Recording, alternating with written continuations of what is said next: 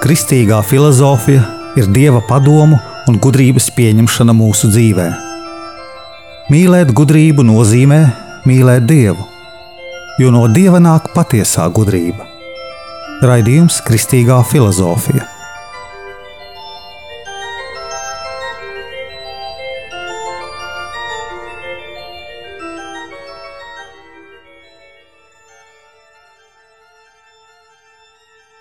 Es esmu Jānis Valtra Vitsenheims, un jūs klausāties 80. raidījumu Kristīgajā filozofijā.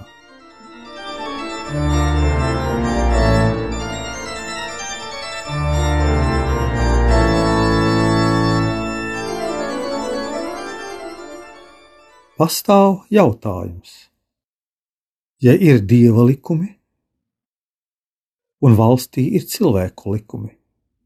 Kā rīkoties kristietim? Mēs zinām, ja valsts varā ir visatļautība, tad valsts var sabrukt iekšēji, jo nav likumu, kas saturētu valsti. Ir valsts iekšējā sabrukšana, ir valsts sabrukšana no ārienes, ka kāds to iekaro. Tāpat kā cilvēkā mēs varam paši atteikties no labiem desmit paušu likumiem. Un mums var arī uzspiest atteikties no šiem likumiem, bet vai mēs to pieņemam? Kā gan cilvēku, kurš dzīvo savam labumam, sodīt? To dara valsts ar saviem likumiem. Kad atnāk valstī cilvēks, kāds valdnieks vai valdības parlamenti, kas uzliek stingrus likumus, cilvēki ir neapmierināti, jo tiem neļauj dzīvot tā, kā tie vēlas. Kad valsts likumi paliek brīvāki, valsts paliek vājāka, bet cilvēki vairāk apmierināti, jo var dzīvot kā vēlas. Mums bieži ir slikti gan vieni, gan otri. Bet filozofiski skatoties, labi tie nevar būt, jo uz zemes nav debesu valstība, bet ceļš uz debesu valstību. Jābūt valstī tādai valdībai, lai cik iespējams vairāk cilvēku sasniegtu debesu valstību. Tātad valsts likumiem, cik iespējams jābūt tādiem, lai cilvēki vairāk dzīvotu pēc dieva likumiem. Ērti vai nērti mums dzīvot, tas nav svarīgi. Svarīgi, lai cilvēki, redzot, piemēram, geju parādes, nedomātu, ka tās ir pareizas rīcības reklamēšanai bet gan redzot šīs parādas, teiktu: Lūk, tādiem cilvēkiem nav jābūt. Tādā ziņā, pēc morāles, kādi viņi ir. Un labāk tās parādas neredzēt mūsu bērniem.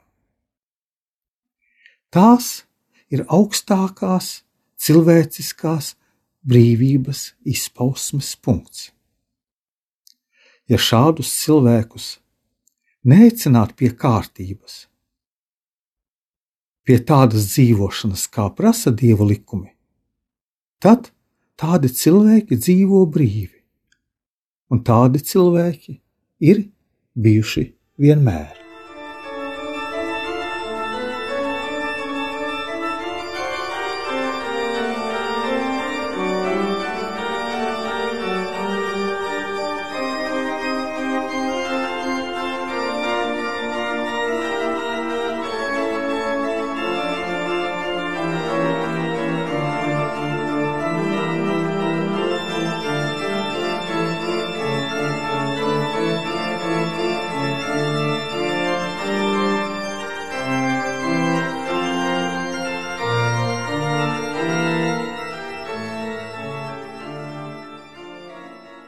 Valsts, veidojot savus likumus, organizē cilvēkus tā, lai valsts varētu pastāvēt, lai valsts varētu zelt un plaukt un attīstīties.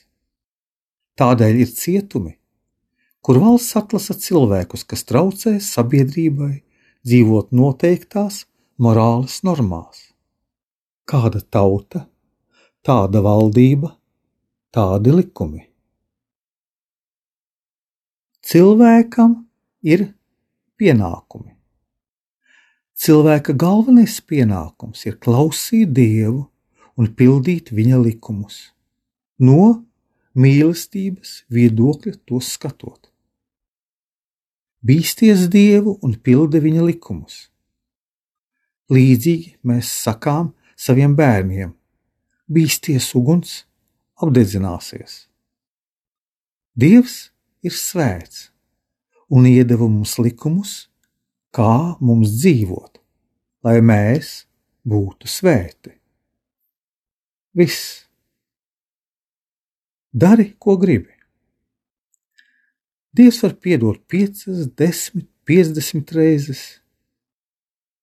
Tad soda, pieļaujot, ka kāda cita tauta var atnākt un iekarot to tautu, kura neievēro šos likumus. Tad, kā redzam, vecajā derībā, tauta atkal klausa. Pēc kāda laika atkal paliek brīva un izlaižas likumu pildīšanā. Grūti cilvēkam bīties to, ko tas neredz. Dievs tad pieļāva, ka izveidojas valstis un valdnieki ja cilvēks nebaidījās dievu, pārkāpjot dieva likumus, zogot, laupot, slepkavojot, tad valsts ar savu izveidoto sistēmu cenšas sakārtot savas domāšanas un iespēju robežās cilvēkus, jo tā izlem, kādi un cik stingri likumi būs valstī.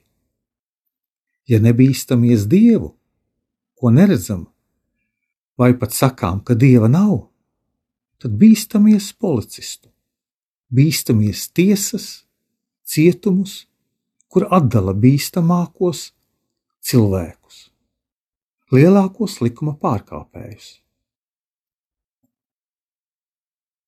Ja cilvēks nevēlas būt labs, bīstoties dievu, tad viņš paliek labs bīstoties likumus, kaut vai krimināla likumu, zinot, ka viņš tiks sodīts. Cilvēkam pirmkārt jādomā par pienākumu, tikai tad par tiesībām, ko es gribu. Ja cilvēks nevar vai negrib pēc sirdsapziņas darīt, tad viņam piespiež, lai dara to no bailēm. Cilvēks tiek sodīts.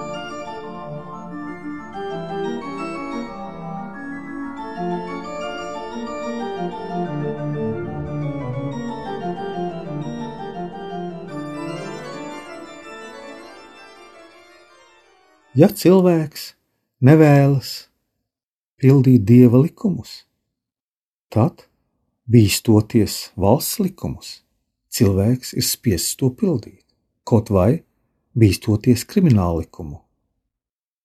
Cilvēkam pirmkārt jādomā par pienākumu, tikai tad par tiesībām, ko es gribu, kā es vēlos.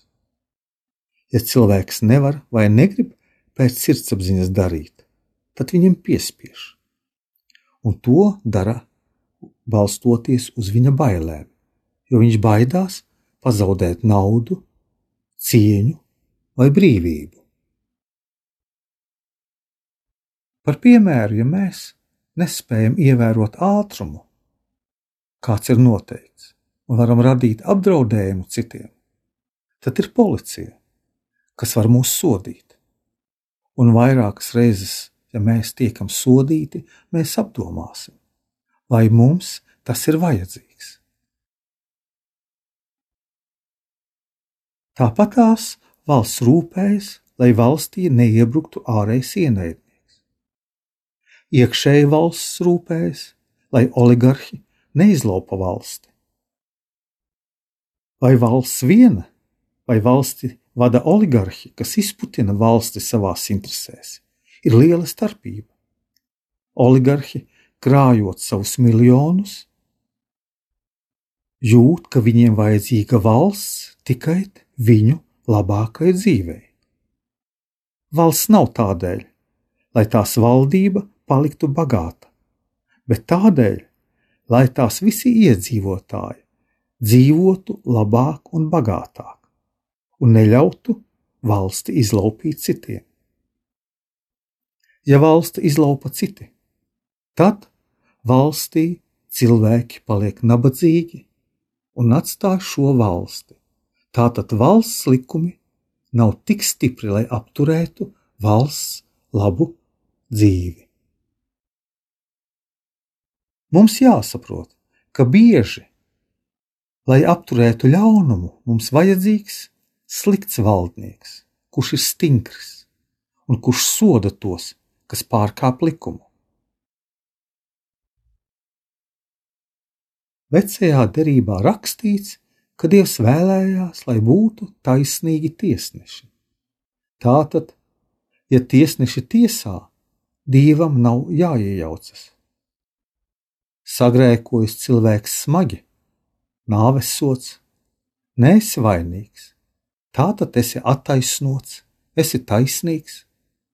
Ja esi vainīgs, kompensē pārdarījumu. Viss atkarīgs no taisnīgas tiesas. Dievs pilnībā iznīcina, ka cilvēku brīvās gribas darbības rezultātu vairs nav iespējams mainīt. To mēs redzam vēsturē. Tā notika ar Sodomu un Gomoru. Tā notika ar grēku plūdiem. Un tā būs arī pasaules galā. Pasaules gals nebūs tādēļ, ka atnāks antikrists, bet gan tādēļ, ka būs pēdējā iespēja glābt cilvēkus, un šī iespēja tiks izsmelta šī laikā. Antikrists arī ir ierocis dieva rokās. Viņš ir vienīgais, kas spēs cilvēku glābt. Mēs jautājam, ko viņš vēlēsies. Viņš vēlēsies, lai cilvēks viņu pielūdz kā dievu cilvēki atteiksies un mirs, bet mirstot, viņi tiks debesīs.